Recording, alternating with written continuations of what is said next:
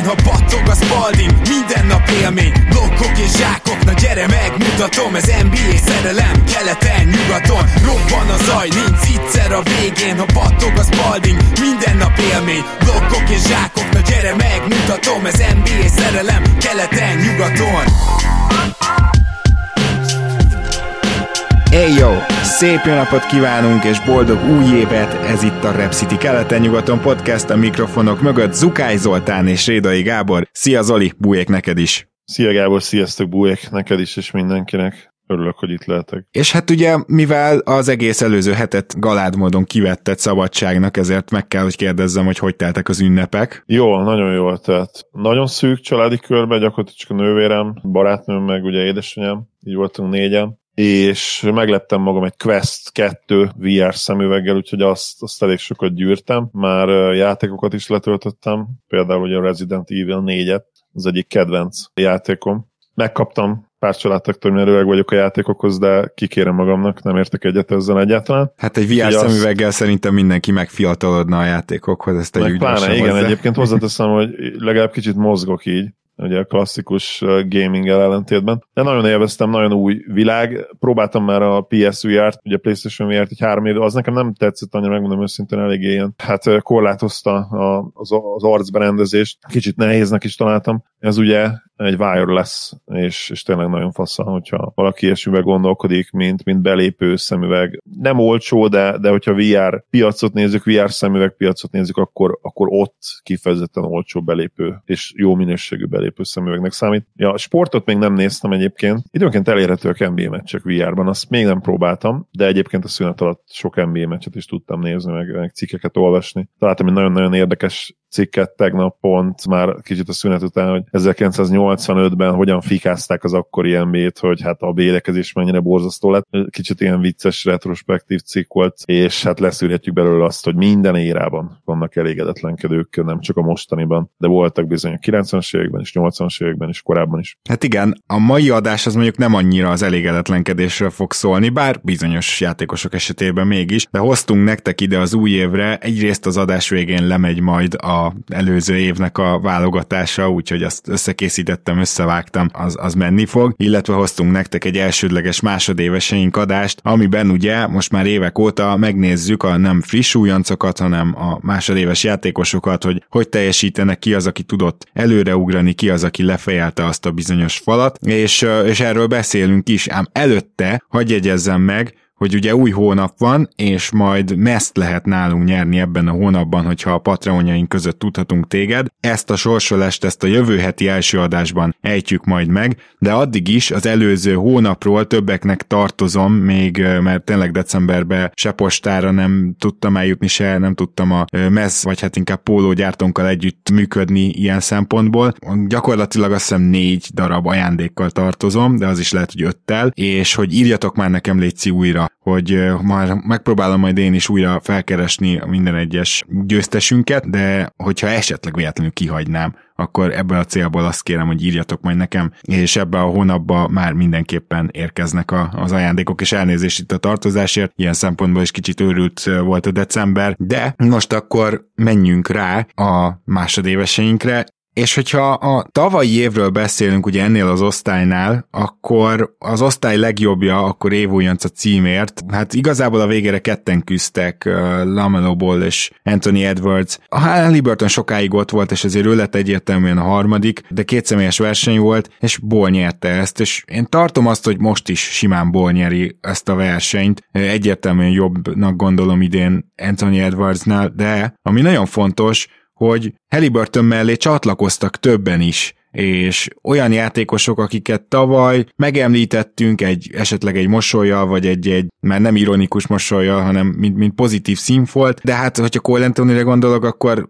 inkább úgy emlegettük, mint masszívan negatív színfolt, és most gyakorlatilag egy nagy hatosunk kezd kialakulni, azt mondhatjuk ebből a classből, ami szuper, és tök jó, hogy többen is fel tudtak lépni, és ugye a három új fellépőnk, az gyakorlatilag Cole akit már emlegettem, Desmond Bain, és az, általad, az általam bejósolt Desmond Bain, ha fogalmazzak így, és az általad bejósolt Tyrese Maxi, és ha már ez utóbbi, ezt tényleg te voltál az, aki kötötted az ebet a karóhoz, de már pedig jó éve lesz idén, és lássuk meg, nézzem meg, akkor arra kérlek, hogy kezdjünk vele. Tyrese Maxi miben lépett előre, illetve mit szólsz ahhoz, a hasonlatomhoz, hogy, hogy az erősségei és valójában a gyengéi alapján is leginkább a jó Diaron Foxhoz hasonlít, csak azért még nincs azon a szinten, de, de nagyon hasonló játékosnak érzem őt Fox-szal. Igen, ugye ő is abban a szempontból nehéz feladvány, hogy több mint megduplázódott, tehát több mint kétszer annyit játszik ugye játékidőben, mint baj. Ezért nyilván ezt is bele kell venni, de, de amikor ilyen sophomore adásról beszélünk, akkor természetesen ezt, ezt alapvetően talán említeni se kell, mert annyira evidencia, hogy, hogy sokan ezen játékosok közül lényegesen több percet fognak a pályán tölteni, és ezért természetesen a, a counting statokban, boxscore statokban alapvetően jobbak lesznek. De ha mögé nézzünk a számoknak, azért Maxinél egyértelműen látszik, az, hogy én azt gondolom főleg, mint támadó játékos lépett előre. Nem rossz védő, de, de ott én abból a relatíve limitált mérkőzés számból, amit a, amit a Filit láttam idén. Azt a következtetést szűrtem le, hogy támadásban lépett, főleg előre, nem pedig elsősorban védekezésben. Mint triplázó, ugye nem kérdés, hogy csak ránézünk a számokra, akkor már kiugrik ez a dolog, ugye, hogy tavaly 1,7 kísérlet mellett 30,1%-kal, tehát bőven-bőven liga átlag alatt dobta, idén pedig 38%-os, tehát kifejezetten jó triplázó. Igaz, hogy a 3,4 kísérlet a mai NBA-ben azért nem annyira sok, de, de előre lépett egyértelműen. És a gyűrű közeli befejezések is a, a büntetők kiharcolása ebben is ugye jelentősen előrelépett. Nem egy készjátékos még, ez tök egyértelmű, de, de 21 évesen ekkora nyomás alatt, mert gyakorlatilag ugye a Simons ügy miatt neki meg kell oldani a, a kezdő irányító szerepet, kimondva kimondatlan egy kombogárd mellett, ugye, aki nagyon jól működik egyébként mellette, nyilván védekezésben visszaveti alapvetően a, a sixers és ezt azért tudtuk, mert ugye itt nem csak arról van szó, hogy Simons kiesett, hanem kiátszik a helyén egy, egy undersized kombogárd szett személyében, akit imádok, de nyilvánvalóan azért a, csapat védekezés megnehezíti a jelenlétével. Még akkor is, hogy egyébként pont ez az erőssége, mint védő, hogy, hogy csapatvédőként egyébként nem rossz. Igen, ab, abban nem szörnyű. Így van. De, de ugye nem tudja azért áthidalni az alapvető méretbeli problémákat. Mexitén nem tudom még hova tenni future tírek alapján, hogy hova fog, milyen tírekbe fog tartozni a jövőben. Azért azt gondolom, hogy a szupersztárt azt kizárhatjuk már nála, és hogy az alatt amellett hova fér be majd, tehát lehet-e párszoros all ott, ott húznám meg egyelőre még neki a max potenciált, így 21 évesen, az, az tök egyértelmű, hogy nem lesz szupersztár, ahhoz, ahhoz ő egyszerűen limitált, de nagyon-nagyon jó játékos lesz belőle, és mondom, az all max potenciál abszolút benne van még a pakliban. Igen, hogy miért ehhez a vonalhoz hasonlított, mondjuk nagyon nehéz Diana Foxhoz hasonló játékos, de is Smith még hasonló játékos, csak ugye sokkal kisebb mértékben, de ugye ezek a hihetetlenül gyors játékosai az NBA-nek, akik már a gyorsaságukkal, akár hogyha a transitionbe kell menni, akár hogyha betörésnél ezt ki kell használni, egyszerűen helyzetet tudnak teremteni maguknak, és aztán másoknak is. Nyilván a második fele azért Maxinél még hiányzik, és ez Foxnál is, még a jó Foxnál is felrottuk, hogy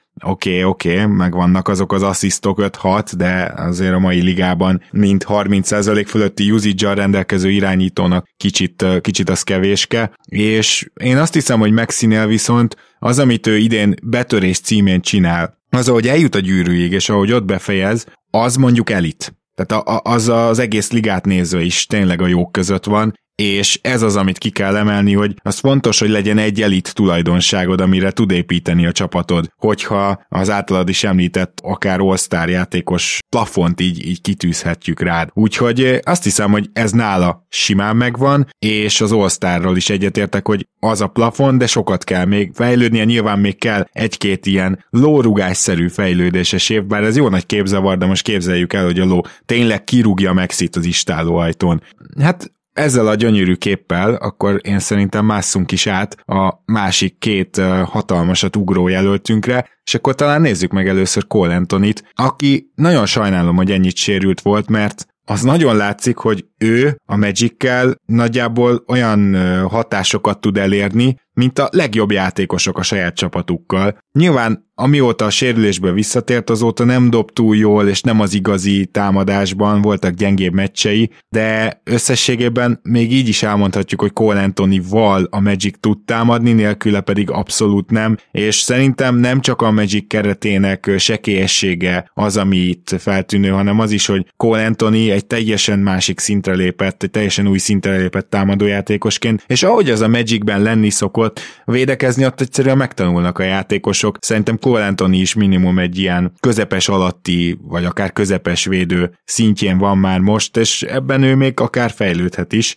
Úgyhogy ez nagyon ígéretes nekem ez a szezon. Sokkal ígéretesebb, mint hogyha csak úgy simán ránézegetnénk a nyers statisztikáira. Cole egy nagyon érdekes prospekt abból a szempontból, hogy ugye a UNC-nél eltöltött tévében, hát féltették ugye az NBA-től, és nem, messze nem tudott olyan jól játszani, sőt, megkockáztatom, hogy kifejezetten Pocsékó játszott ebben a lead guard szerepben, amiben egyébként ugye a magasabb szinten, tehát az NBA-ben is ugye várták, és hát alkalmazzák is ugye azóta is, amikor éppen egészséges. Szóval ő egy olyan játékos, akinek ez a hullámhegyek, hullámvölgyek már részei voltak a játékának és a karrierjének korábban is az egyetemi szinten csalódás volt egyértelműen, éppen ezért nem is tudták egyetemi szezonja volt csalódás, éppen ezért nem is tudták ugye olyan helyen elvinni, ahová egyébként előzetesen várhatták volna a középiskolai éve után. Ami top 5, tehát ezt tegyük így van, helybe, hogy így igen. van, igen. Tehát, ha jól emlékszem, 5 csillagos, de legalább 4 csillagos prospekt volt, de inkább 5 csillagos középiskolában. Erre jött ugye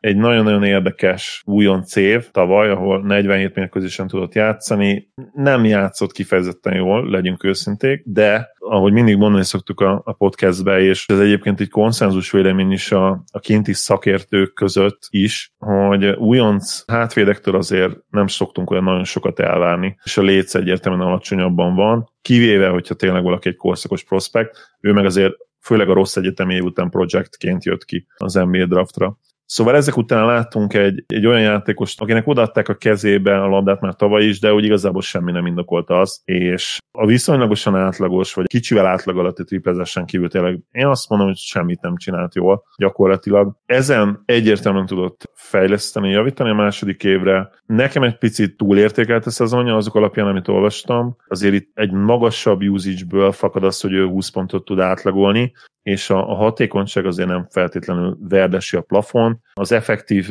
mezőny százaléka még mindig 50 százalék alatt van, ami nem jó. TS de... 55 egyébként, szóval még azért az se még extra. Az sem túl jó, de a tavalyi tényleg borzasztó dobás szempontjából és hatékonyság szempontjából borzasztó szezonhoz képest azért fejlődött, tehát nagy ugrás, 5 százalékot fejlődött ugye effektív mezőny százalékban is, és ugye ezzel párhuzamosan ennek hatására TS is gyakorlatilag 5 százalékot ugrott. Az hetet is, Zolikám. Úgyhogy... Uh, én, én 49,6 és 54,7-et látok. Tehát oh, igen, bocsánat, én néztem el. Minden esetre abszolút megvolt ez az ugrás, és azért a nagyobb usage együtt, ami 2,5%-os ugrás usage-ban körülbelül, ez mindenképpen impresszív. Mindenképpen azt mutatja, hogy a tavalyi évnek csak volt értelme, hogy, hogy hagyták hibázni, és nyilván ezt magának a szurkolónak nem mindig könnyű egy ilyen évet megemészteni, főleg akkor, hogyha utána mondjuk egy, egy újabb Moody év jön, ahol így megkapja ugyan a labdát, de semmi nem indokolja, hogy te fogalmaztad. Idén ezen javít, 6 assziszt, 6 lepattanó, ez egyébként szintén szerintem nagyon jól néz ki, most azért tegyük hozzá, hogy három eladott labda is társul mellé, és igazából, mint mondtam, a védekezésével sincs nagy bajom, Szóval elképzelhető, hogy ő azért jelen pillanatban az év másodéves versenyen a negyedik helyet elérné, mm. De jó kérdés, hogy majd Tyrese Halliburtonről meg Desmond Bainről mindjárt beszélünk, hogy velük mi a helyzet ilyen szempontból. Igen. És egyébként érdekesség, hogy itt a usage százalékában azt ugye bele kell venni, hogy Sachs nagyon sokat volt sérült, és ugye a borzasztóan is játszik, és hát nem vártuk azt, hogy, hogy Wagner ennyire jó lesz ennyire korán. Furcsa módon egyébként annak ellenére, hogy, hogy Wagner, Cole Anthony és Carter Jr. is relatíve jól játszanak, és jó szezont futnak. Wagner nagyon-nagyon jó újonchoz képest, ahhoz képest nagyon borzasztó támadásban is a Magic, tehát számomra ez egy picit meglepetés, és azt mutatja, hogy, hogy főleg Anthony, mint lead guard, még azért impact terén hát nem, nem az igazi, mert ha, ha van három statisztikailag tényleg ennyire jól játszó játékosod, azt várnád, hogy azért, azért ne 28-ak legyenek támadásba. A védekezés hát, az nyilván... Bocs, csak mondanám, hogy a kezdőjük azért nem is 28 tehát ugye gyakorlatilag a liga a leggyengébben támadó padja, sőt az ilyen történelmi Igen. mélységekben van, amit a Magic padja produkál. Ez így van, ezt nagyon fontos kiemelni. Anthony ha már nála is, akkor szerintem próbáljunk meg egy, egy plafont találni. Nála még nehezebben tudnám megmondani, de természetesen a Superstat nála is abszolút kizárhatjuk.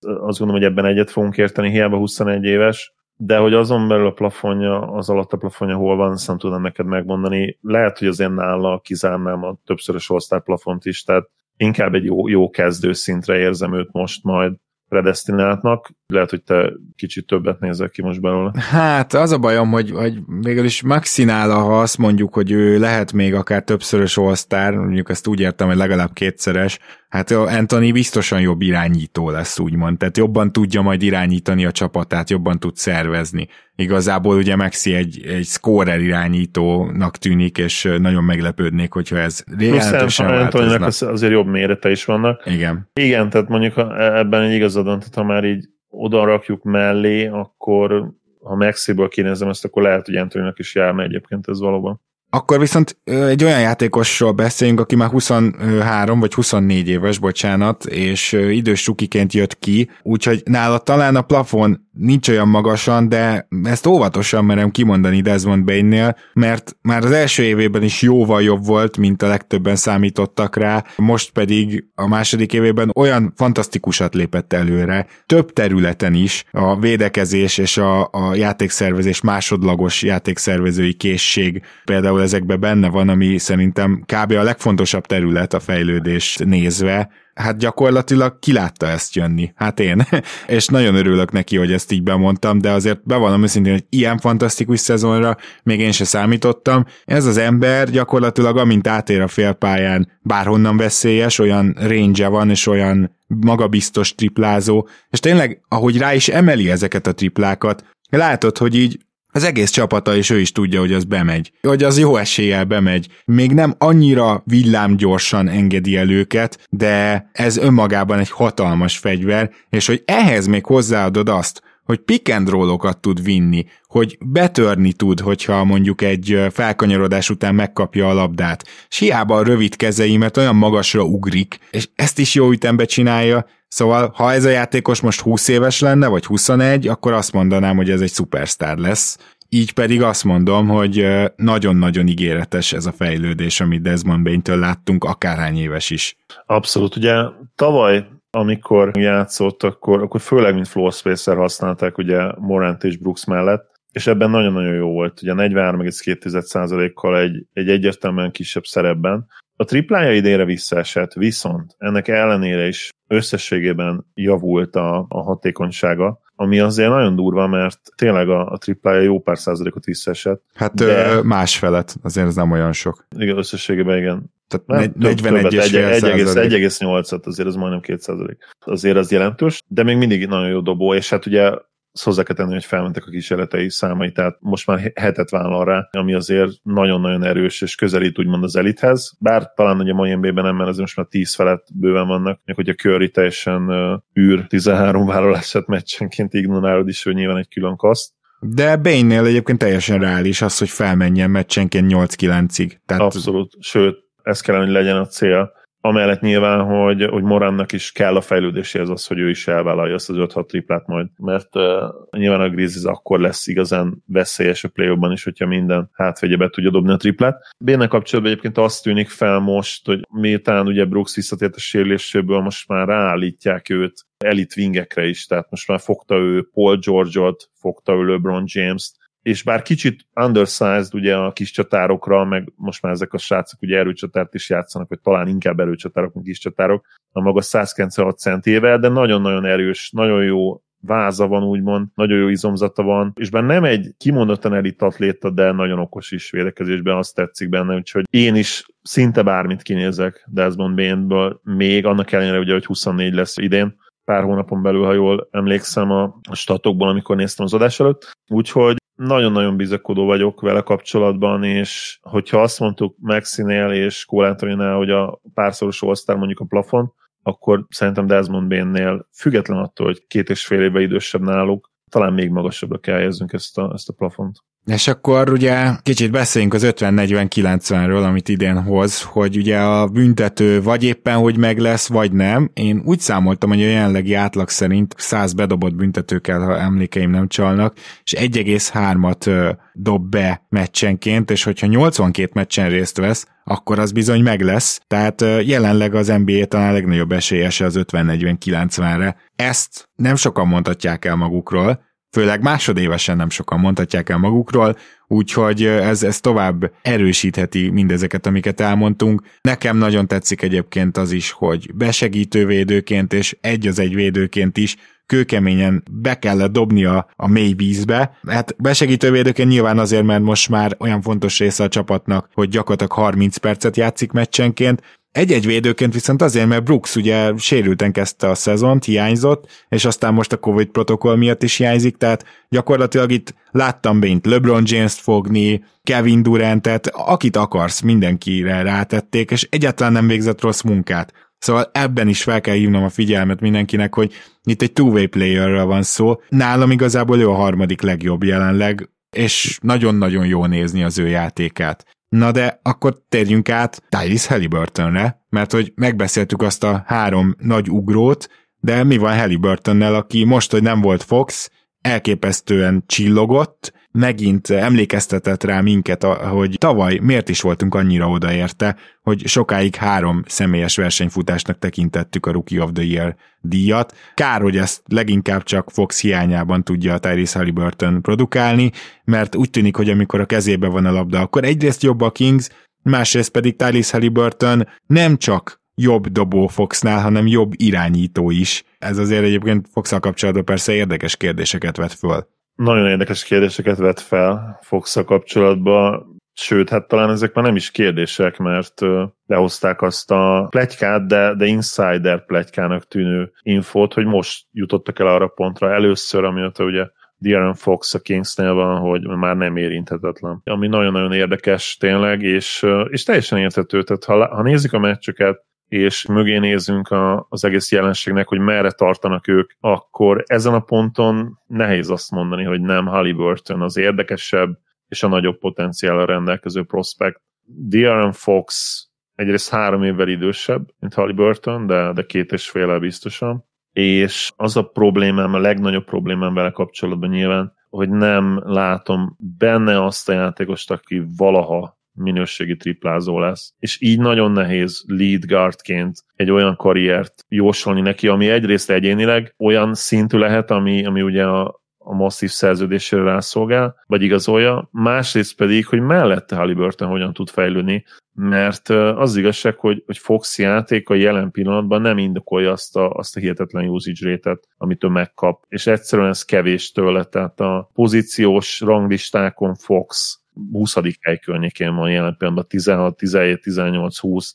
Nyilván, hogyha azt nézzük, és azt kérdezzük meg ma tényleg, hogy mi a max potenciál, akkor ennél azért még mindig magasabbra kell őt helyezni, de Halliburtonnel összevetve nem vagyok benne biztos már, hogy, hogy Fox az érdekesebb, sőt lehet, hogy inkább az ellenkezőben vagyok biztosabb. És hogy akkor hősünkre visszakanyarodjunk, pontosan Fox szerepe miatt nehéz először meglátni, és nekem sem ment feltétlenül, hogy meglássam azt a fejlődést, ami egyébként igenis megtörtént Tyrese Halliburton-nél, de hogyha mögé nézünk a számoknak, és nem feltétlenül csak az egyértelmű játékszervezésről beszélek, akkor azért, azért láthatjuk, hogy igenis fejlődött, igenis jobb lett. Igen, a triplája az, az még tovább fejlődött annak ellenére, ugye, hogy kevesebbet dob, amit nem értek, tehát nála szerintem mentálisan is egy picit még össze kell szednie magát, és még agresszívnek kell lennie, még többet kell rádobnia, rámelnie, mert egyszerűen neki több pontot kell átlagolni, mint 13, tehát ugyanannyi pontot átlagol, mint tavaly. Hmm, azért ebben benne lehet az, hogy tavaly ugye megkapta a padot, hogy vigyed, fiam, és abban nyilván több dobása volt, amit akár magának alakított ki, akár, hogyha körbejárt a labda, ő azokat valószínűleg eldobta. Na most idén Fox meg Barnes mellett maga a dobóhelyzet is kevesebb, kevesebb a labda. Megjegyzem, hogy a usage százaléka ezt nem támasztja annyira alá ezt az elméletet, amit most mondtam, de egy kicsit igen, mert ugye 18,1-ről 17,6-ra esett vissza. Tény, hogy most ugye már exkluzíve kezdődött, tavaly 20 meccsen volt kezdő 58-ból, ennek ellenére, ha van vele kapcsolatban egyetlen ilyen problémám, ami, ami böki a csőrömet, az az, hogy nem elég agresszív. Szerintem ő van akkor a tehetség igenis, hogy és ez annyira jó hatékonyságban, hogy ennél igenis agresszívebben és úgymond nagyobb usage százalékot felhasználva kell játszani, és szerintem meg is engednék ezt neki, így, hogy a Kings gyakorlatilag pocsék megint, nem nagyon van perspektíva azon kívül, ami ő. Tehát meddig fog eljutni ez a csapat, hogyan lehet ebből bármi, úgy, hogyha Tyrese Halliburton kiátsza max potenciált be magából, cserék kellenek, és itt csapatról is beszéltünk vele kapcsolatban, egyszerűen el kell cserélni mellőle pár játékost, és a Kingsnek kőkeményen rámenni a draftra idén, annyira nincs értelme annak, amit jelen pillanatban csinálnak. Tehát hova, minek van nálad egy Harrison Barnes jelen pillanatban? Minek? Hát de egyébként lassan azt is fel lehet tenni azt a kérdést, hogy Buddy Hildet el lehet-e cserélni, hát mert, mert ő is minek van nála, és hát ezen kívül ugye nyilván Fox pedig egyre elgondolkoztatóbb, hogy érte nem lehet-e esetleg egy hasonlóan tehetséges, vagy hasonló kategóriájú fiatalt kapni. Ugye felmerült itt korábban ez a, azt hiszem Májer Gyuri vetette föl, ez a RJ Barrett Fox csere, hogy uh-huh. mind a kettőjüknek szarabb éve van, és akkor próbálkozzanak másik csapatban, szerintem. RJ Barrett érdekes prospekt lenne egyébként Halliburton mellé. Én amit látni szeretnék a Kings-től, és tényleg halliburton nézve az ő sorsát vizslatva, és ezen keresztül szemléve, az az, hogy, hogy felrobbantják ezt a dolgot, és Foxot én megmondom őszintén elcserélném nagyon, nagyon jó pikkért is akár az idei drafton. Uh-huh, Tehát uh-huh. Nem, nem feltétlenül várnám el azt, hogy jöjjön vissza tal hasonló az a fiatal, mert abból azért kevés van olyan, akit mozdítanának is. Nyilván most egy, egy lamelóból nem fognak érte elcserélni, vagy hát nem. Nyilván fit is borzasztó, tehát Morán mellé nem viszed oda Foxot, de hogyha csak egy az egybe, és nem lenne ott Morán, én akkor se cserélném, mert egy az egybe például Bén se Foxért jelen pillanatban. Tehát, Igen, ez abszolút meg, értelek, és így, így van. Tehát, ez meg felveti azt is, hogy, hogy akkor mennyi csökkent Fox csereértéke jelen pillanatban.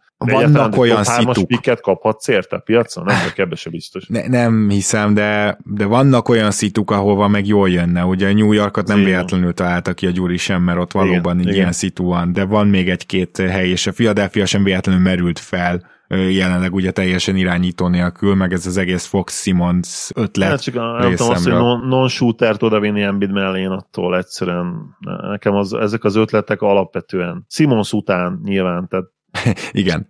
Miért visszalad egy másik non-shooter? Talán azért, mert Simonshoz képest ez egy szignifikáns előrelépés még így is, amennyire non-shooterezhetjük itt Foxot. De nagyon elkanyarodtunk, beszéljünk akkor, mielőtt még a többieket szóba hoznánk, azért két szóban Anthony Edwardsról és Lamelo Ballról is. Őszintén szóval mind a kettőjüknél látom a fejlődést, de, de Lamelo Ball az, aki gyakorlatilag idén all és megtette azt a nagy lépést, amit egy sztárnak másodévesen meg kell tennie.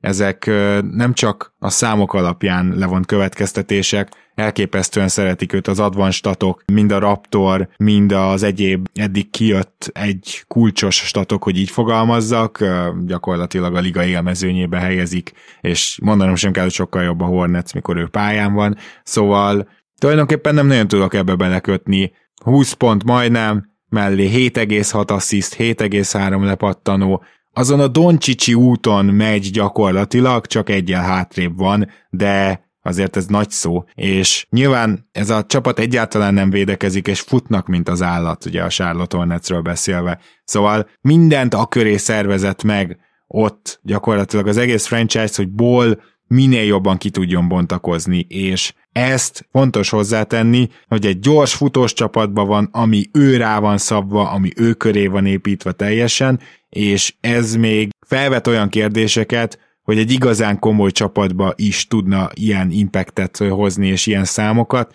de ez már tényleg csak kukacoskodás, egyértelműen a legjobb másodévesünk. Egyetértek. Edwards egy nagyon érdekes prospekt, és őt nehéz megítélnem még szintén max potenciál terén. Lemelót könnyebb. Azt gondolom, hogy Lemeló még ott van egyértelműen a, a szupersztár úton, még nem tért le róla, ugye tudjuk, hogy minden egy eltelt évvel nehezebb rajta maradni, úgymond ezen az úton, és hogyha 23-24 éves korodig nem lépsz rá egyértelműen, akkor onnantól nehéz is ezt az ugrást már megtenni. Ezt még nem tudjuk, hogy Lamelóból lehet-e top 10-es játékos majd, de azt szinte garantált, hogy top 20-as lehet. És hát most már azért egy nagyon-nagyon jó támadó csapatot csinált, úgymond, idézőjelesen csinált, nyilván nem csak az ő érdeme, de, de én azt gondolom, hogy elsősorban az ő érdeme. És mint shooter viszonylag nagyot lépett előre, több mint 3%-ot, 3,4%-ot növelt ugye a tripla százalékán, úgyhogy tavaly 5,1 ellentétben most már 7,1-et emelre, ami megint csak ugye közelít az elithez, mint hogyha Bane-nél mondtuk, erre 6,9-re, akkor ő is ott a következő tírben van, a legjobb fiatal triplázók között a ligában. B nyilván még pontosabb, de Lamelo ugye tudjuk, hogy milyen triplákat vállal el, tehát ő már tényleg ilyen Doncsics féle, iszonyú idiotikus hármasokba is beleáll időnként, és ahhoz képest nagyon-nagyon jó az a kerekítő 39% Elit playmaker, ezt tudtuk ugye már tavaly is, védőként olyan, amilyen ugye work in progress, hogy mondani szokták kint, nem lesz ő rossz azért, tehát a, az én ízesem az nem annyira illően túl sokat kockáztat védekezésben, ugye, uh-huh. próbál ráugrani a labdákra, de azért az 1,8 stíl az, az nagyon erős, és ott van remény úgymond, mert bár valóban ő is szerepet játszik abban, hiszen nagyon komolyan támadásorientált játékos most még ő, tehát ő is szerepet játszik abban, hogy egy pocsék védőcsapat a Charlotte, de van benne potenciál, mert ugye elit méretei vannak, elit hossz, intelligens játékosról beszélünk, és jól bele tud azért állni a passágukba, még ha mondom, számomra egy kicsit még túl sokat is kockáztat. Szóval nagyon-nagyon komoly jövőt jósolok én is neki. Többszörös osztás státusz az gyakorlatilag szerintem garantált, idén meg lesz jó eséllyel az első yep. már ehhez. És hát, hogy utána mi lesz belőle, nyilván azt még nem tudjuk, mert, mert a harmadik évnél kell majd szintén egy nagyot ugrani neki jövőre, vagy a negyediknél, és akkor tudjuk majd azt meg, hogy rajta maradt-e ezen a bizonyos superstar top 10 felé vezető úton. De itt már nyilván azért csapat konstrukció is belejátszik majd ebbe a kérdésben. Igen, és azért az fontos hozzátennünk, hogy az az egy problémája, ami tavaly is fönnállt, mégpedig az, hogy ugye ő nem túl jó gyűrű közeli befejező, és tök érdekesen néz ki ez a floater, de attól még nem ilyen hiperhatékony, szóval ez idén is fennáll azért tavaly a gyűrű közelében 57,5%-kal, most 59-el fejez be, na most azért itt a superstar szint az bőven 60 fölött kell, hogy legyen. És 60, nála, 65 környékén. nála kisebb akár játékosok is bőven hoznak ennél jobb százalékot, csak hogy mondjak egy példát, aki nem is volt szupersztár, de Dragic akik 67 százalék környékén tolta ezt a gyűrű közeli befejezést, amikor ugye a legjobb éveiben volt. Szóval azért ebben még igenis továbbra is fejlődni kell. Talán ez választja el igazán attól, hogy ő szupersztár legyen, és ebben nem vagyok biztos, hogy ez valaha megtörténik, mert mondjuk úgy, hogy a kontaktot nem kereső játékosok közé tartozik, és valójában persze azt láthatjuk, hogy amikor például ránézünk arra, hogy hányszor állhat a büntető van arra, hogy háromszor állt oda tavaly is és idén is, ebben is látszik, hogy, hogy nincs sok fejlődés, de szerintem nem is feltétlenül lesz. Egyszerűen Lamelóbolnak talán ez hiányzik a játékából nem szereti, kerüli a kontaktot, és őszintén szólva nem csak a büntetők kiarcolásánál jelentkezik ez, hanem szerintem az ilyen típusú játékosok alapból is sokszor rosszabbul fejeznek be a gyűrű közelében, hiszen varázsolni akarnak állandóan, ugye, ami nem biztos, hogy jó. Most hozzáteszem, hogy ha emiatt ő nem lesz szupersztár, attól még simán többszörös all lesz, és egy franchise játékos, csak nem biztos, hogy mondjuk egy bajnokcsapat első számú játékosa, de ez most nagyon messzire lövő ilyen hát jósolgatás. Kívánom neki, hogy a játékának ezt az elemét is fel tudja fejleszteni, és teljesen egyetértek a védekezéssel, hogy most egyelőre azért nem az igazi, de van benne bőven potenciál. Mit gondolsz ezzel szemben, vagy éppen ezzel együtt Anthony Edwardsról? Rákanyarodunk Edwardsra is, mert ő tényleg egy enigma, és ahogy utaltam hozzá, lehet, hogy kérek is egy kis segítséget tőle. De még záró gondolatként Lamelónak szerintem érdekes módon más posztok, de, de Kawai és Paul George lehet követendő példa, mint a, a faltok kiarcolása és értékesítése. Ugye mind a ketten kifejezetten gyengék voltak 20-21 éves korukban. Egy, másfél, két büntető meccsenként ugye mind a ketten, és abban hasonlítanak, hogy fizikailag is, tehát ezek a lakli, hosszú kezű, két méter egy, két méter kettő centi környékén lévő játékosok. Lamelo inkább playmaker, ugye más poszt, ő, ő egyértelműen irányító, de mégis ebben azért hasonlóak, hogy nagyon jó fizikai adottságaik voltak, de mégis ezek, ezek a csávok se fejeztek be jól ez, ez a kettő Clippers figura, akit ugye nagyon sokszor felhozunk olyan has, összehasonlításokba is, mint például ugye Celtics dúlja kapcsán, vagy olyan fiatalok, akik nem feltétlenül extra elite ballhandlerek, mondjuk lehet, hogy Lemelő egyébként ebben pont nem ide tartozó játékos, mert az ő labdakezelése azért sokkal-sokkal jobb, mint Kawai vagy, vagy Paul George volt 20-21 évesen, de ebből a szempontból viszont szerintem nagyon is megállja a helyét az összehasonlítás, hogy mondom, hasonló fizikai paraméterek, és Kawai is és Paul George is azért, ha nem is lettek soha elit büntető kiarcolók, ilyen 6-7 kiarcolt büntető szezonokat össze tudtak hozni, és ez lehet szerintem Lamelóban is a max potenciál kulcsa is, meg gyakorlatilag a fokmérője, hogy valaha eljutna majd de ilyen hasonló szintekre, mert ugye Kawai egyértelműen top 5-ös játékos is volt, Paul George pedig ugye a top 10 környékén, de hogyha felteszed azt a kérdést, hogy enélkül, a fejlődés nélkül, amit ők bemutattak, ami még egyszer nem segítette őket ebből a szempontból a szupersztár szintet, tehát nem 9-10 meccsenkénti büntető, de 6-7 azért stabilan összejött a legjobb években. Eh, hogyha felteszed a kérdést, hogy enélkül ott lennének-e, ott lettek volna, nem. Uh-huh. És Lamelónak is ez lett a kulcs, tehát ne LeBron James-t, vagy vagy Luka Doncsicsot hozzuk, ugye, bár Luka idén egyébként pont szar, de benne ott volt már ez a nagyon magas büntető kiharcolási szám, meg gyűrű közeli befejezés, tehát ne ez legyen a szín neki, de, de mondjuk egy Paul George és Kawai, és, és ez fogja szerintem eldönteni, hogy belőle igazán lehet a top 10-es játékos és szupersztár. És akkor Edwardsnál visszadobnám a labdát neked, Gábor, mert én megmondom őszintén, hogy saját magam véleményével kapcsolatban is ugrálok ide-oda. Aha. Van, amikor megdönzöm magam arról, hogy abszolút szupersztár potenciál, nyilván a 50 plusz pontos, vagy nem is tudom hány pontos meccse után például, amikor bevert 9 triplát. 10 az a 9, igen. 10 triplát, de egyébként meg időnként meg túlértékednek tartom a potenciált is, tehát így ugrálok a két véglet között valahogy, és nehezen tudom így belőni őt. Nyilván ebbe az is benne lett, hogy nem néztem olyan nagyon túl sok Timberwolves meccset ide. Edwards gyakorlatilag a második fél évére, az, tehát a rookie évének második fél évére fejlődött támadásban, és nagyjából elérte azt a szintet, ahol azóta is van.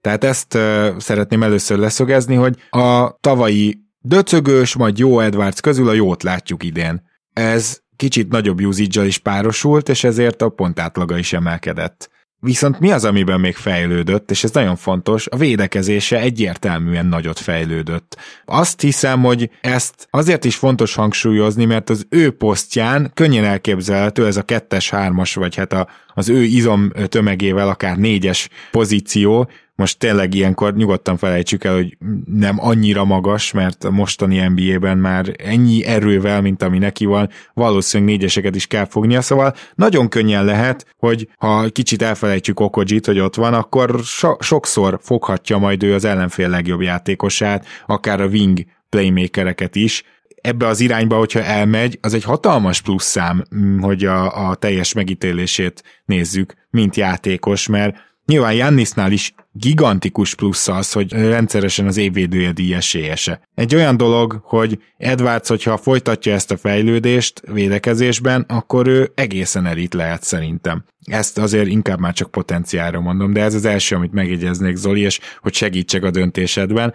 A második, amit megjegyeznék, hogy playmakingben is egy kicsit előrelépett, de az apró dolgokban, az, hogy több labdát szerez, többet blokkol, gyakorlatilag mindenben egy kicsit növekedni tudott, és hogyha megnézed, akkor az összes százaléka is, persze tudom, hogy az, az nem egy jó összehasonlítás, hiszen az első három hónapja a ruki évének szörnyű volt, és ezért a százalékai sem lehetnek végeredményben annyira jók, de így is minden százaléka is külön-külön is fejlődött. Nyilván egyébként hasonló problémája van, mint a már említett Lamelónak, annak ellenére, hogy milyen rohadt erős és atletikus, nem jó gyűrű közeli befejező, tavaly is szenvedett vele, és nem is igazán jó büntető kiharcoló, plusz nyilván nem olyan playmaker emellé, mint Lamelo. Úgyhogy nem tudnám azt mondani, hogy olyan potenciál, meg plafon van benne, mint Lamelónak, de egyel alá már szívesen berakom, és, és nagyon nehéz ugye hasonlítani valakihez Edwardsot, nem is tudom, talán picit ilyen Jalen Brown-szerű játékos jut eszembe róla? Nekem annyira nem, bár védekezésben azért előre lépett. Én nem néztem annyira sok Wolves meccset, de, de mindenhol ezt olvastam róla gyakorlatilag. Nem tudom, nehéz, nehéz neki igazán jó NBA comparison találni. Talán egy jobban dobó Tyreek Evans. De mondjuk Evans meg jobb playmaker meg volt. jobb playmaker volt, igen. Igen, igen, nehéz igazán jó találni neki. Minden esetre az feltűnt egyébként vele kapcsolatban, a, nyilván a highlight videókban, mert ugye az, azokat természetesen azért megnézem, amikor csak teltem, és a, a nagy meccséről is, hát ott ámultam, bámultam, hogy milyen triplákat dobott be, hogy sokkal-sokkal bátrabb és jobb shooter, felugrott azért eléggé a, neki is ugye az effektív mezőny százaléka, ez elsősorban azért, azért annak köszönhető, hogy sokkal jobban dobja a triplát, gyakorlatilag 3%-ot ugrott, most már liga átlag felett van, mert ugye idén a liga átlag ráadásul ugye Gagyi nagyon 34,8%-kal dobják a csapatok csak a triplát, úgyhogy ez a 35,8% ez, ez 1%-kal jobb, mint a liga átlag, tehát ilyen formában még akár hatékonynak is tekintetjük. De nyilván azért a 8,6 kísérlet ott már azért felmerül itt, hogy, hogy talán kontraproduktív, és azért 8,6 kísérlet mellett inkább olyan játékosok vállaljanak ennyit, akik azért ilyen 38-9-40 százalék környéken tudják dobni, de ez persze csapat konstrukció kérdés megint csak. A hosszú távú fitet én Towns mellett egyébként nem látom, mint duó bennük nem hiszek, nem feltétlenül csak azért, mert mert azért korban is, hát valamennyi 5-6 év van köztük. Uh-huh.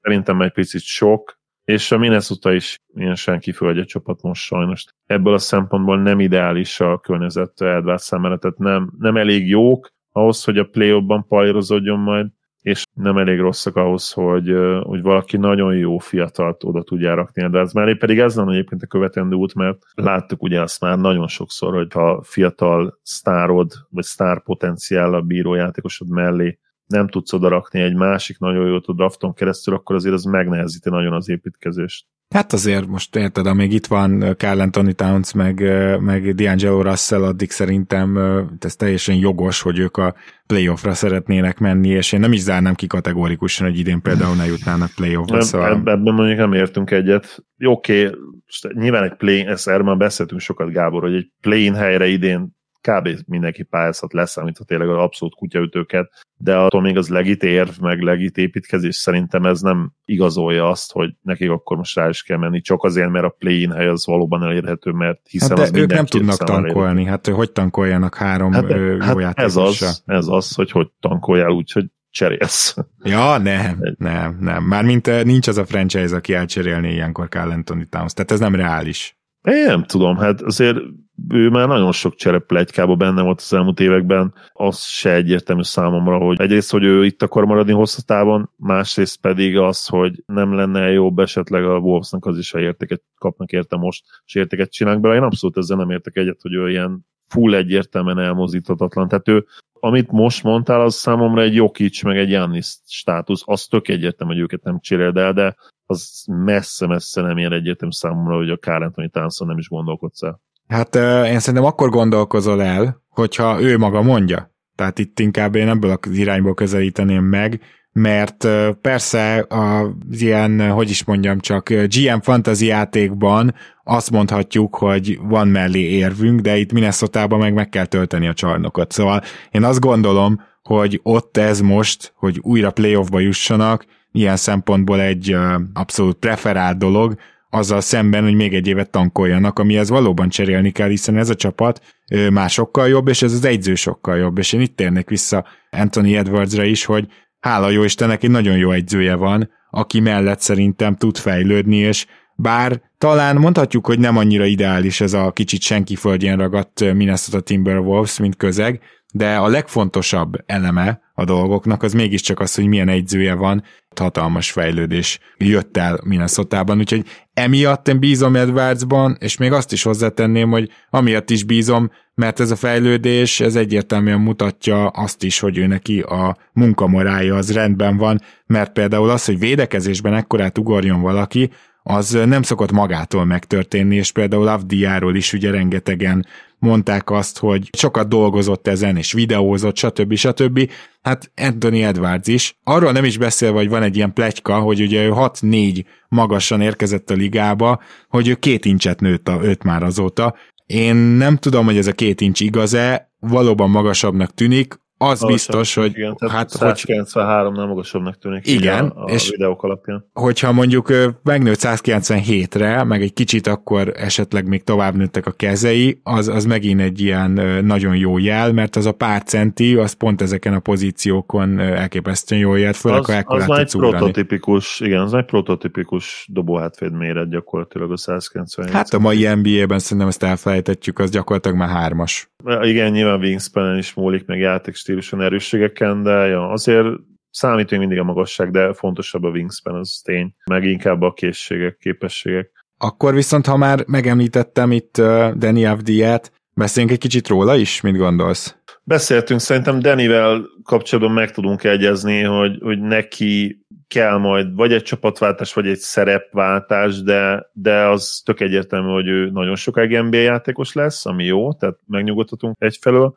Egy európai játékosként, ami talán azért nehezebb még ma is, bár nyilván nem annyira nehéz, mint egykorom volt, 90-es évek végén, vagy a 2000-es évek elején közepén. Tök egyértelmű, hogy NBA talent, nagyon jó védő lett, nagyon jó csapatjátékos. Most a, a minap Bertanszal kapcsolatos vita ellenére, ahol én egyértelműen az izraeli mellé állok, és, és hát Bertans szerintem kussoljon azzal a teljesítménnyel, amit ő pályára tesz, ami egészen nevetséges, azzal a szerződéssel és azzal a gyakorlatilag mínusz egy ember státusszal védekezésben. Azért Mert erről én is lemaradtam, úgyhogy kicsit update már, mi történt? Ugye valószínűleg az történt, nem fejtették ki a sajtóból utána ez fontos, tehát pontosan nem tudjuk, de a visszajátszások a felvételek alapján megnéztem többször, nagyon úgy tűnik, hogy Danny ugye tök üresen volt egy, egy, egy felkanyarodás után, és Bertans is kanyarodott fel, és hát elvállalt egy két emberről egy eléggé hát megkérdőjelezhető triplát, és vagy Dennis szólt neki, hogy miért nem passzolta tovább, ugye teljesen volt, vagy nem kapott esetleg egy olyan zárást, mint amit, amit várt volna Bertans, és ő kezdett el, illetve ezt nem tudjuk, hogy ő kezdett el magyarázni Deninek, vagy, vagy Danny, Danny szólt oda, ugye, ami azért, mert nem passzolt neki. Bertans minden esetre Bertansnak tehát egyből eldurrant az agya, nyilván el tudjuk képzelni, hogy, hogy mit mondhatod, hogy te, te kis fiatal kis ne pofázzál nekem, én vagyok a veterán, de nem tudom elképzelni azt, hogy, Bertansnak bármilyen szinten igaz lett volna, főleg azért nem, mert oké, okay, egy játékkal kapcsolatban még lehet igaza, de akkor se fogok az egyik legjobb mentalitással küzdő, rendelkező, nem is újonc, de szofomoromra így rátörni, és így, így kiakadni rajta, amikor tudom azt, hogy neki tényleg a szíve a, jó helyen van. Valószínűleg Bertans frusztrálva van a saját teljesítménye által, és hát nyilván a szurkolóktól hallja rendszeresen azt, hogy mekkora hulladék, és hogy gyakorlatilag a legrosszabb szerződésre nem lehet egyszerű ilyen mentális helyzetbe lenni profi sportolóként gondolom, de, de szerintem ez nem menti fel azzal, hogy, hogy inkább neki is csendbe kéne tenni a dolgát, és jobban játszani ennél. Minden esetre Dennyre visszatérve, és akkor, hogy miért gondolom azt, hogy egyetértünk vele kapcsolatban, mondom, hogy egy nagyon jó NBA játékos lesz, nem tudom, nála tényleg szerintem esélytelen belőni a potenciált, tehát kiegészítő embertől kezdve nem tudom milyen magasra tudom mondjuk felvenni. Nyilván a Superstatnál is teljes mértékben ki lehet zárni.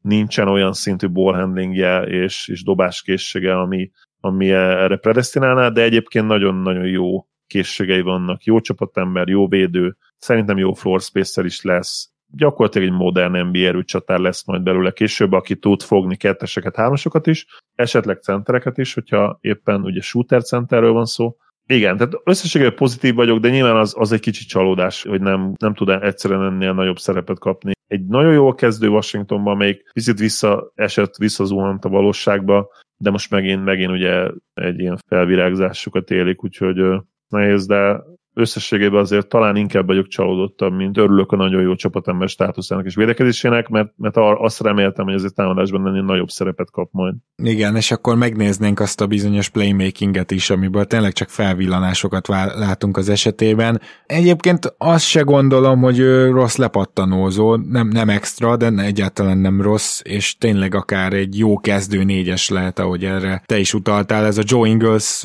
hasonmás verseny, az továbbra is működik működik szerintem, és nagyjából egy hasonló játékos, csak azért azt tegyük hozzá, hogy ilyen atletikussággal már az ő atletikussága sem extra félrejtés nehézség, csak Ingleshöz képest. Ingles is szerintem hasonlóan jó védő lett volna, de ugye ő későn jött az NBA-be, és az eszéből él védekezésben, azért Igen. ott egyre inkább vannak Inglesnél problémák, de hát 34 éves. Stavdia nagyon fiatal, és azt hiszem, hogy azt már most kijelenthetjük, hogy meglepő lenne, hogyha nem lenne ott a legjobb perimétervédők között az eddigi teljesítménye alapján most a következő években. Ez pedig szerintem egy óriási aduász. Egy picit azért várnám, hogy jobban triplázzon. 2,8 kísérlet, szóval viszonylag kis minta, de hát ez ugye 15 éve még kifejezetten jónak számított, mondjuk főleg egy négyes posztú játékostól egészen extrának, úgyhogy azért azt sem mondjuk, hogy még egyáltalán nem dobált rá elég triplát ahhoz, hogy megítéljük. Sajnos ez a 31 százalék, ez, ez kevés, és remélem, hogy ez majd feljebb fog menni, mert ez lesz a másik, ami miatt őt egy komoly csapatnak is a, a kezdőjébe be tudod majd állítani. Így van, igen. És nála tényleg kell, kell valami, vagy csapatkonstrukcióban egy teljes váltás, vagy hogy elcseréljék Bill-t. Ugye, hogyha felvetetted azt, hogy miért cserélnél towns a Wolves, akkor talán Bill-re is az igaz lehet a megítélésedben? Tehát ott, ott se nagyon látod indokoltnak, hogy legyen egy ilyen? Őszintén szólva azt gondolom, hogy Billnél egy pici fokkal indokoltabb, de egy teljesen kizárt. Tehát annyira sokan lenyilatkozták Washingtonban, beleértve Billt is, hogy ő marad, meg itt tervez. Hát ebben a szezonban egyértelműen most már, főleg a jó kezdés után tök egyértelmű, igen, hogy neki fognak menni. Itt amíg Bill nem mondja, addig nem lesz csere, és nem is Bill kéne feltétlenül elcserélni, hanem akkor már lehet, hogy Hachimurát, vagy Kuzmát, vagy, vagy mindkettőt, nem tudom, de hogy a posztriválisokat. Mi, mindkettőt inkább, az még jobb ötletlen egyébként, mert egyiket sem tartom túl sokra. Aha. Sőt, hát elég hasonló stílusú játékosok is egyébként. Jó, akkor viszont beszéljünk még olyan játékosról, aki szerintem idén némi zajt kelt, ez pedig Devin Vessel. Abszolút megkapta a Spurs kezelést, és ez azt jelenti, hogy az első évedet gyakorlatilag a G-ligában töltött, néha játszol. De leginkább csak garbage time-ban, de nem csak, és kizárólag valahogy egy-egy meccsre időnként meglepetésre ott találod magad a csapatban. Évek óta csinálja ezt a Spurs, ugyanezt tették vele is, és ezért nem is igazán tudtuk, hogy mi a francot várjunk idén, nem? Tehát, hogy mint ahogy jövőre majd Josh Primótól sem tudod, hogy majd, majd hogy fog ez kinézni.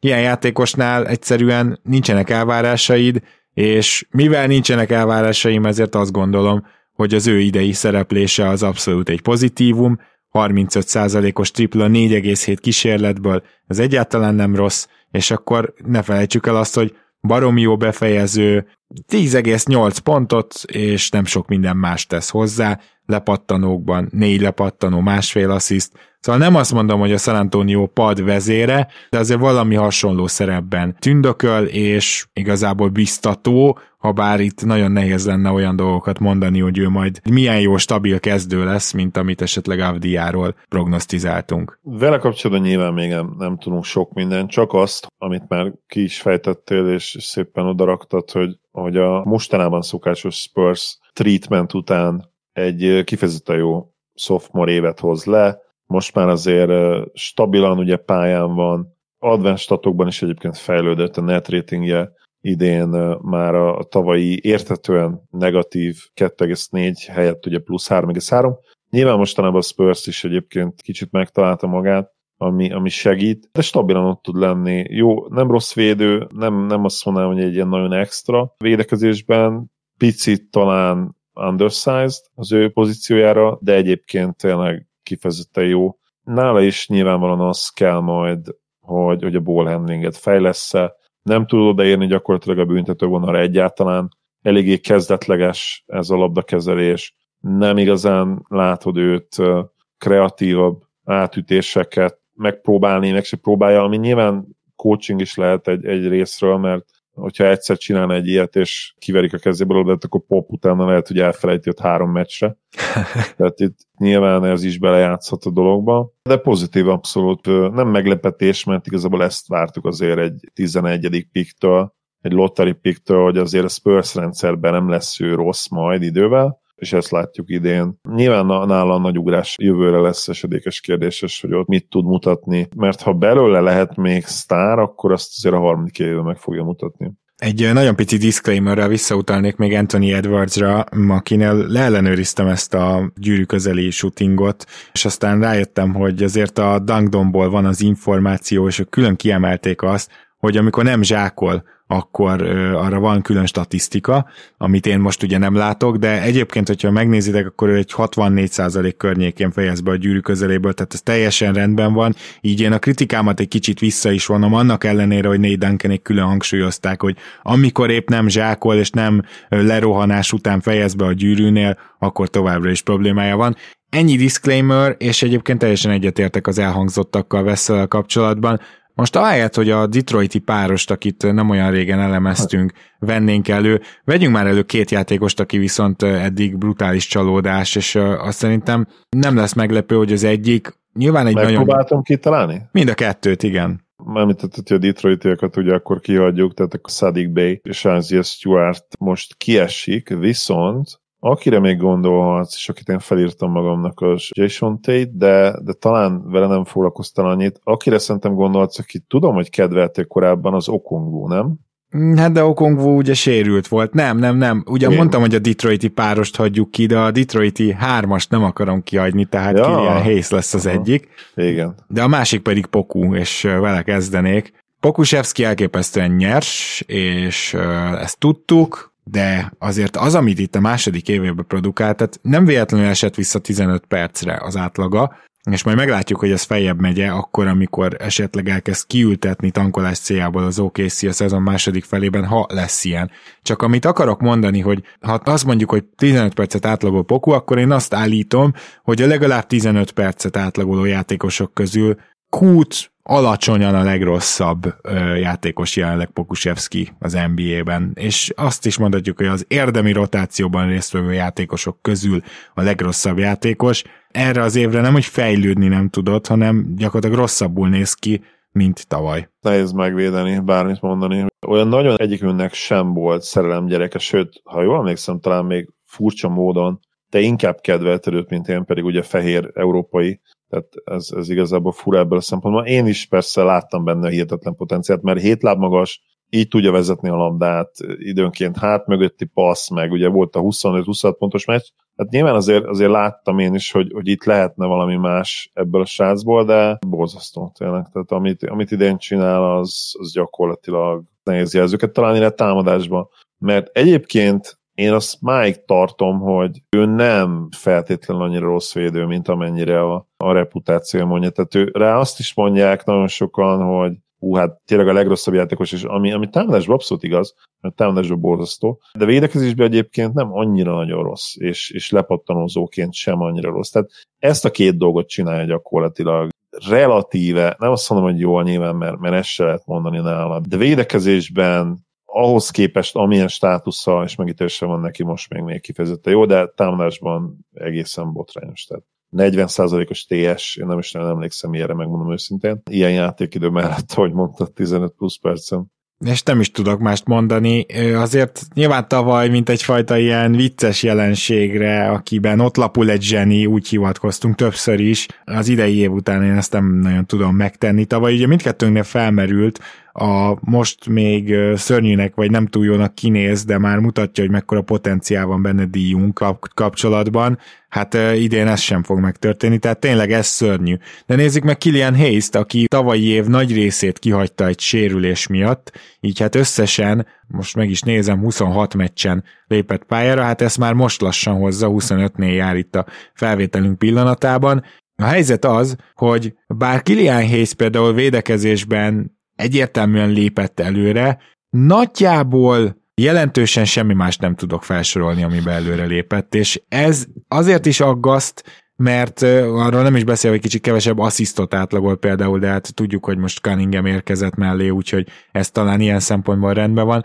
Szóval, hogy a másod évben egy rossz első év után azért elvárná az ember, hogy valamit mutass, amiben nem kell rögtön elitnek lenni, csak jónak, és nagyon kevés olyan példa van, aki aki két éven keresztül szenved, és akkor utána hirtelen legitim kezdőjátékos, most Jordan Poole például eszembe jutott, Kilian Hayesnek is valami hasonlóban kell bíznia, mert ez a szezon eddig nem túl biztató. Igen, hasonló játékos ő most támadásban, mint Pokusevski, tehát ott van a, a liga legrosszabb játékosai között. Ez, ez teljesen egyértelmű, nagyon pici hatékonyabb, mint, mint Poku de hát a 44%-os TS az, az tényleg mindegy, hogy 44 vagy 40 az a kategória. És hát egy nagyon rossz csapatban tud játszani legalább, ami, ami abban a szempontból jó, hogy még szerintem ő meg fogja kapni az esélyt, tehát őt nyilvánvalóan nem fogják még elcserélni vagy kirakni, tehát ő játszhat majd egy, egy ideális világban, egy ideális fejlődés mellett játszhat offból, én azt gondolom két mellett, és ő, ők ketten együtt lehetnének akár a, akár a kezdő hátvéd duó is egyszer, de hát nyilvánvalóan nagyon nagyot kell majd ugrania ehhez Hésznek a harmadik évére. Azt most már látjuk, hogy ez a második sophomore évre nem történt meg, de nem szabad még lemondani róla. Még akkor is, hogy tudjuk, hogy kockázatos pik volt, és pot, abszolút potenciára választották, de hát basszus azért csak egy, egy erős top 10-es pik, egy hetedik pik lett elhasználva rá, úgyhogy be, bele kell még investálni legalább a jövő évet, és egyébként beszéltünk időnként csapatkonstrukcióról mai nap folyamán, én még a következő évet simán el tudom képzelni, hogy még egyet mehetnek a, a Detroitiak, az autóvárosiak még egy kört a tankkal, miért nem mehetnének. Idén is összejött egy toppik, még akár jövőre, és akkor lesz. Vagy egy hármasod, vagy attól függően, hogy Hayes mit csinál, akár egy, egy nagyon jó négyes magod is. Nem aggódnék ebben a szempontból a Pistons fanok helyében. Nyilván Hayes totális projekt, de most még időben vagyunk, úgymond, és, és nem kell még talán pánikolni miatta. Erre ráérünk a jövő év végén, de hát hogyha meg olyat tudnak húzni az idei drafton, aki nagyon jó lesz, plusz ugye Kéd is megtalálja magát, és, és beteljesíti ezt a potenciált, akkor meg valószínűleg nem is fogja őket érdekelni, meg minket se, hogy, hogy Hayes nem vád be, mert úgy leszel vele, hogy a másik két pick meg nagyon is bejött. Én, akiket meg akartam még említeni, most nyilván Isaiah Stewart ugyanaz a játékos, erről beszéltünk, arról is, hogy Szedik B eléggé lefejelte a ruki falat, de amióta ezt kimondtam, azóta egyébként sorra hozza a jó meccseket, úgyhogy Szedik köszönjük, hogy hallgatod az adást, és ezúton is gratulálunk az elmúlt hetek játékához. Akit én még szerettem volna megemlíteni, az egyrészt Tio Maledon, aki tök ígéretesen indult szerintem, az az első év, az, az ígéretesebb volt, mint amennyire ő lecsúszott a drafton, illetve amennyire féltek vele kapcsolatban, hogy, hogy, hogy a gyengeségei előjönnek, ahhoz képest most teljesen kiszorította a keretből a többi irányítójelölt, ugye Ty Jeromék, de főleg Tréman, és teljes joggal, úgyhogy ez a projekt egy kicsit szintén lefele megy a franciáknak, ez csak így Hayesről is jutott eszembe, de a másik, akit szerintem fontos megemlítenünk, az az, hogy például Xavier Tillman, aki ugye tavaly úgy tűnt, hogy a második körösök közül hát így igazán a legjobb tud lenni, szerintem nem hoz jó szezont, és gyakorlatilag gyengében játszik, mint, mint a tavalyi szezonban. Trey Jones az, aki talán most előre tud lépni a második körösök közül, mert időnként ugye beveti a csapata a Spurs, és hát Jordan Vora. Szóval, hogy itt most a második körből olyan nagy ugrók, olyan, olyan, olyan nagy stílek, hát nem igazán vannak egyelőre. Ez fura, mert az minden évben tudod, van egy, aki, aki nagyon beüt. Most a felsoroltakat elnézve, kicsit para a helyzet. Kicsit így a, az véges közeledve, én azt is elmondanám, hogy azért voltak egyértelmű kedvenceink, de, de összességében nem biztos, hogy annyira nagy duranás ez a sophomore év, és ezek a sophomore ugrások mint amit talán szoktunk látni, vagy várni más, másik idényben. Hát ott az elején az nagyon jó, tehát az a hatos, az mondjuk az, prima. Az nem rossz, igen. igen. Bár lehet, hogy szőrszársogató vagyok, de ott is azért, ha így most azt mondod, hogy hat játékosból egy azért legalább szupersztár szintre guratott volna, de hát mondjuk hozzá kell tenni, hogy, hogy ez nem az a draft volt. Hát nem. Amikor ilyen talán elvárhatunk, igen.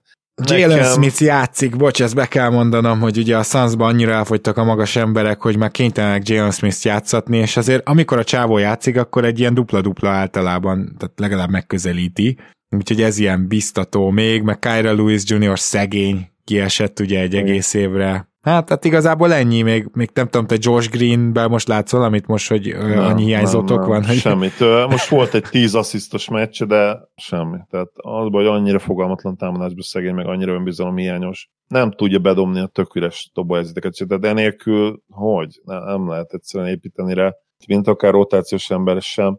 Akit akartam még mondani egyébként, hogy Okoró van érdekes helyzetben, hogy, hogy egy sokkal jobb csapatba kell, kellene ugye idén játszani, mint tavaly, és éppen ezért hát nem is jut neki annyi. Meg persze jöttek a helyére, ugye konkrétan a, a posztjára gyakorlatilag ketten, egy draftolt stud, és egy igazolt játékos ugye Lori szemében. De ettől függetlenül egyébként az, az jó, hogy nem, nem, hogy nem szorult ki a rotációból, de nagyon sokat is játszik, majdnem 30 percet, és szerintem ő is fejlődött. Tehát én azt néztem, hogy hogy védekezésben is jobb, és valamivel hatékonyabb is. Tehát most már azért bedobálgatja időnként a triplát, tavaly ugye 30% alatt volt. Én még benne is látok egyébként hosszú távú potenciált, mint egyértelműen egy jó rotációs játékos, de akár kezdő. Igen, ö, ezt nem tudom, hogy ö, miért hagytam ki, mert hogyha Avdiántál emlegettük azt, hogy a 31%-os triplája ellenére egy jó 3 játékost várunk, aki védekezésbe elít, teljesen ugyanez ez a helyzet Okorónál is, és tulajdonképpen hasonló játékosok is, posztra is. Igen, és hát ugye nyilván ő, tudjuk, hogy dobó hátvéd méretekkel rendelkezik, de hát ugye őt is játszották gyakorlatilag. Hármas, négyesben gond nélkül. Igen, igen, idén, idén már ugye hármasban, meg ugye nem, nem feltétlenül egy elit atléta, ezért, ezért ő is azért ilyen hármas, négyes poszt, de így azért megtalálták neki a rotációban ezt a helyet, és nyilván kevesebbet játszik, mert lényegesen jobb csapatba kell idején játszani, de még egyébként a kezdőben is egész jó fit, amikor éppen oda rakják, és így, hogy ugye Kevin Love a padról úgymond megtalálta önmagát, így ez is teljesen jól működik. Hát nagyon sajnálom egyébként Riki sérülését, ha már Ó, ne is mond. Róla. Igen. Basszus, ugyanazt a térdét másodjára is elszakítja szegény. Nekem is ez, ez nagy probléma. Van még két játékos, aki tavaly ilyen top 10-ben volt simán, de akár top 5-ben is a Rookie of the Year beszélgetésünkben, ugye Quickly és Pritchard. Azért nem akartam külön beszélni róluk, mert tök ugyanazok a játékosok, szóval főleg, főleg Pritchardon látom, de Quickly-nél is, hogy ugyanazok az eszközök, ugyanazok az erősségek, és ne, ne, nem látok extra fejlődést. Azt mondják a Boston csoportban, hogy Pritchardnál azért playmakingben, ami ugye az ő nagy gyengéje irányító létére, vagy hát pont mivel irányító, azért mondhatjuk, hogy gyengéje, azért apró előrelépések vannak, és hát nyilván Quickly is teljesen hasonló játékos ebben a tekintetben, hogy ő is úgy irányító, hogy hát nem az. Nem gondolom azt, hogy ez a két játékos jelentős nagy ugrás, kiugrásra vár, de azért érdemes lesz rajtuk tartani a szemünket, nem engedtem el, vagy semmi ilyesmi, ők jó kis cserejátékosoknak tűnnek, és végül is, hogyha a karriered első pillanatától kezdve az vagy, és esetleg az is tudsz maradni végig, ne adj Isten esetleg olyan szituációba kerülsz, ahol akár kezdesz, mert mondjuk egy rosszabb csapatba kerülsz, vagy újraépül a csapatod, akkor az nem egy rossz karrier, tehát ezt egyáltalán nem kell leírni, de őnáluk nincsen feltétlenül magasan a plafon, azt gondolom. Mindenképp egyetértek azzal, amit elmondtál. Árnyalja a dolgot az, hogy milyen csapatban milyen szerepe vannak, tehát nem egyszerű ilyenkor, főleg ha esetleg olyan csapatba küzdenek, a, ami a playoff fél is ugye versenyben van. Nem biztos, hogy a sophomore évbe kijöhet az, az a potenciál, ami ezekből srácokba rejlik. Ugye Okorónál szerintem ez, ez is egyértelműen szerepet játszik abban, hogy, hogy még nehéz meglátni, de összességében nyilván ez egy átlagos sophomore class, de vannak nagyon-nagyon pozitív dolgok benne, és hát még azt se zárnám ki, hogy, hogy van esélyünk egy abszolút szupersztárra, nyilván ott az elején kell majd keresgélni, de amikor jövőre megcsináljuk ezt az adást, azért ott talán még... Az még igen, az egy kicsit erősebb lesz, az könnyen lehet. Minden esetre a mai adásnak a végére értünk. Tudjuk, hogy nem beszéltünk mindenkiről, nem is állt szándékunkban így is a felvételi idő 1 óra 20 perc, úgyhogy igazából ami fontos, azt azt gondolom, hogy, hogy mindenképpen átvettük, és akik a jövő szempontjából meghatározónak tűnnek, azokról beszéltünk, de ha úgy gondoljátok, hogy nem, ha valakit kihagytunk, akkor mindenképpen írjátok meg nekünk kommentben, illetve hogyha valakit máshogy ítéltek meg, akkor is uh, számítunk arra, hogy akár vitatkoztok velünk, mint ahogy mindig, és Zoli, remélem, hogy ezt az adást visszahallgatod, mert a végén majd le fog menni az a bizonyos válogatás, és ezt most neked is mondom, és a kedves hallgatóknak is, hogy van benne némi explicit content, úgyhogy a fiatalabb füleknek nem annyira ja, javaslom. Emlékszem igen arra, amikor volt egy hívásom, és a reakcióm az elég érdekes volt. Ki a C hív a valami ilyesmi volt, és ezen kívül nyilván lesz még ugye Stroke Edition, amikor ugye úgy hangzom, mintha éppen agyvérzésem lenne. Nagyon-nagyon várom, hogy mit, mit sikerült összehozni igyekeztem a nagyon durvákat esetleg nem feltétlenül berakni. Van oh. pont ez, amit mondtál, ez, ez nem került be, de azért oh. van egy-két olyan, olyan igazi mélyről jövő beszólás is, és egészen sok szereplős lett, ezt is hozzáteszem, úgyhogy a kedves Na, szuper. szokásos hát, vendégeink ki, is. Kisípolva belerakhattuk volna, de igen, tehát azért vannak szerintem tínédzser hallgatóink is, bár szerintem 12-11 évesek talán nem, vagy maximum egy-kettő. De persze, azért lehet igazodni egy normához, ami ne, nem a mi stílusunk feltétlenül az, hogy rommá káromkodjuk magunkat, ez tény. Ez kétségtelen, igen. No, hát akkor Zoli, nagyon szépen köszönöm, hogy ma is itt voltál, és akkor a hét második felében pedig még jövünk vissza. Örülök, hogy itt lettem. Még egyszer bújék nektek. Szia Gábor, sziasztok! Kedves hallgatók, tartsatok velünk 2022-ben is. Reméljük tetszett ez az adás, hogyha igen, akkor ezt kifejezhetitek úgy, hogy Patreonon támogattok minket, illetőleg természetesen elérhetőek vagyunk az összes szokásos podcast csatornán, Facebookon, ahol egyébként tudtok követni is, úgyhogy ezekkel a kis instrukciókkal most átadom a helyet a nyökögéseknek, a meglepő beszólásoknak, az össze-vissza beszéléseknek és a szokásos szilveszteri kis válogatásunknak. Sziasztok!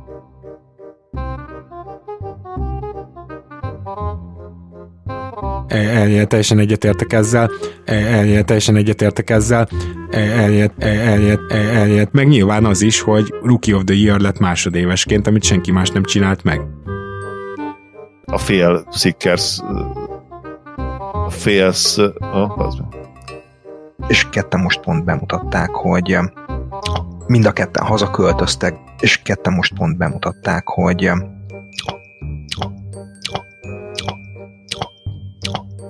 de hát Greymon Gindel, de hát Greymon Gindel, Greymon Gindel, Greymon Gindel.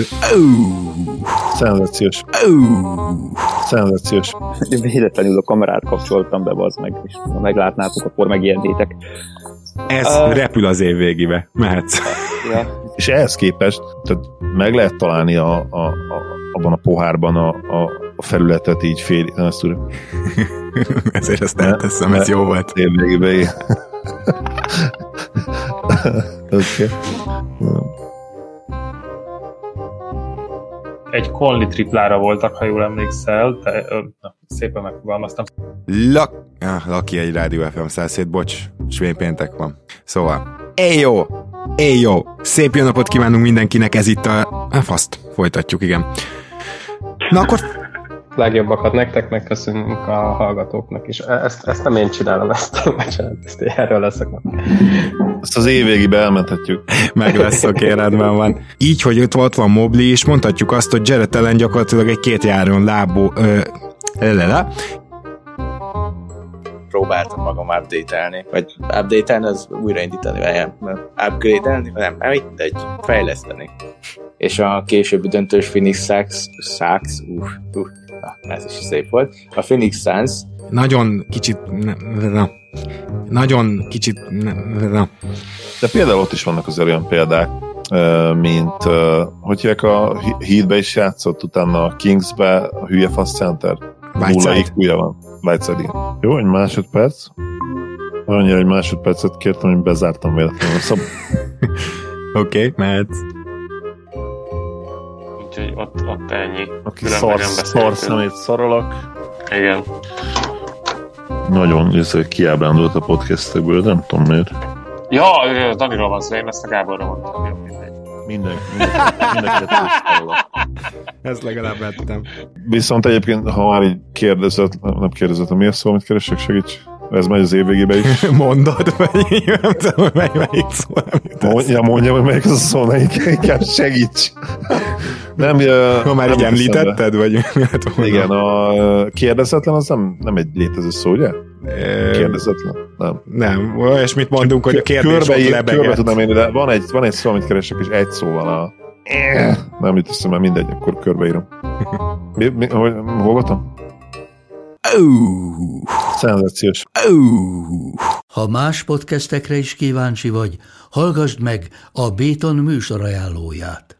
El tudod képzelni, hogy a podcastet, amit éppen most hallgattál, fél év múlva már a mesterséges intelligencia generálja? Mi sem. De ha érdekel, eljött már a gépek lázadása. Hallgass bele az Embertelen podcastbe. Orsós Lajos vagyok, a műsor házigazdája. Egyelőre még élőben. Egyelőre. Fedezzük fel együtt, hogyan ismerkedik, randizik, mesél és vitatkozik Betty és Péter, két teljesen mesterséges intelligencia. Lajos, a podcast címét mond még egyszer, Léci. Oké. Okay. Embertelen podcast. Ez a műsor a Béton közösség tagja.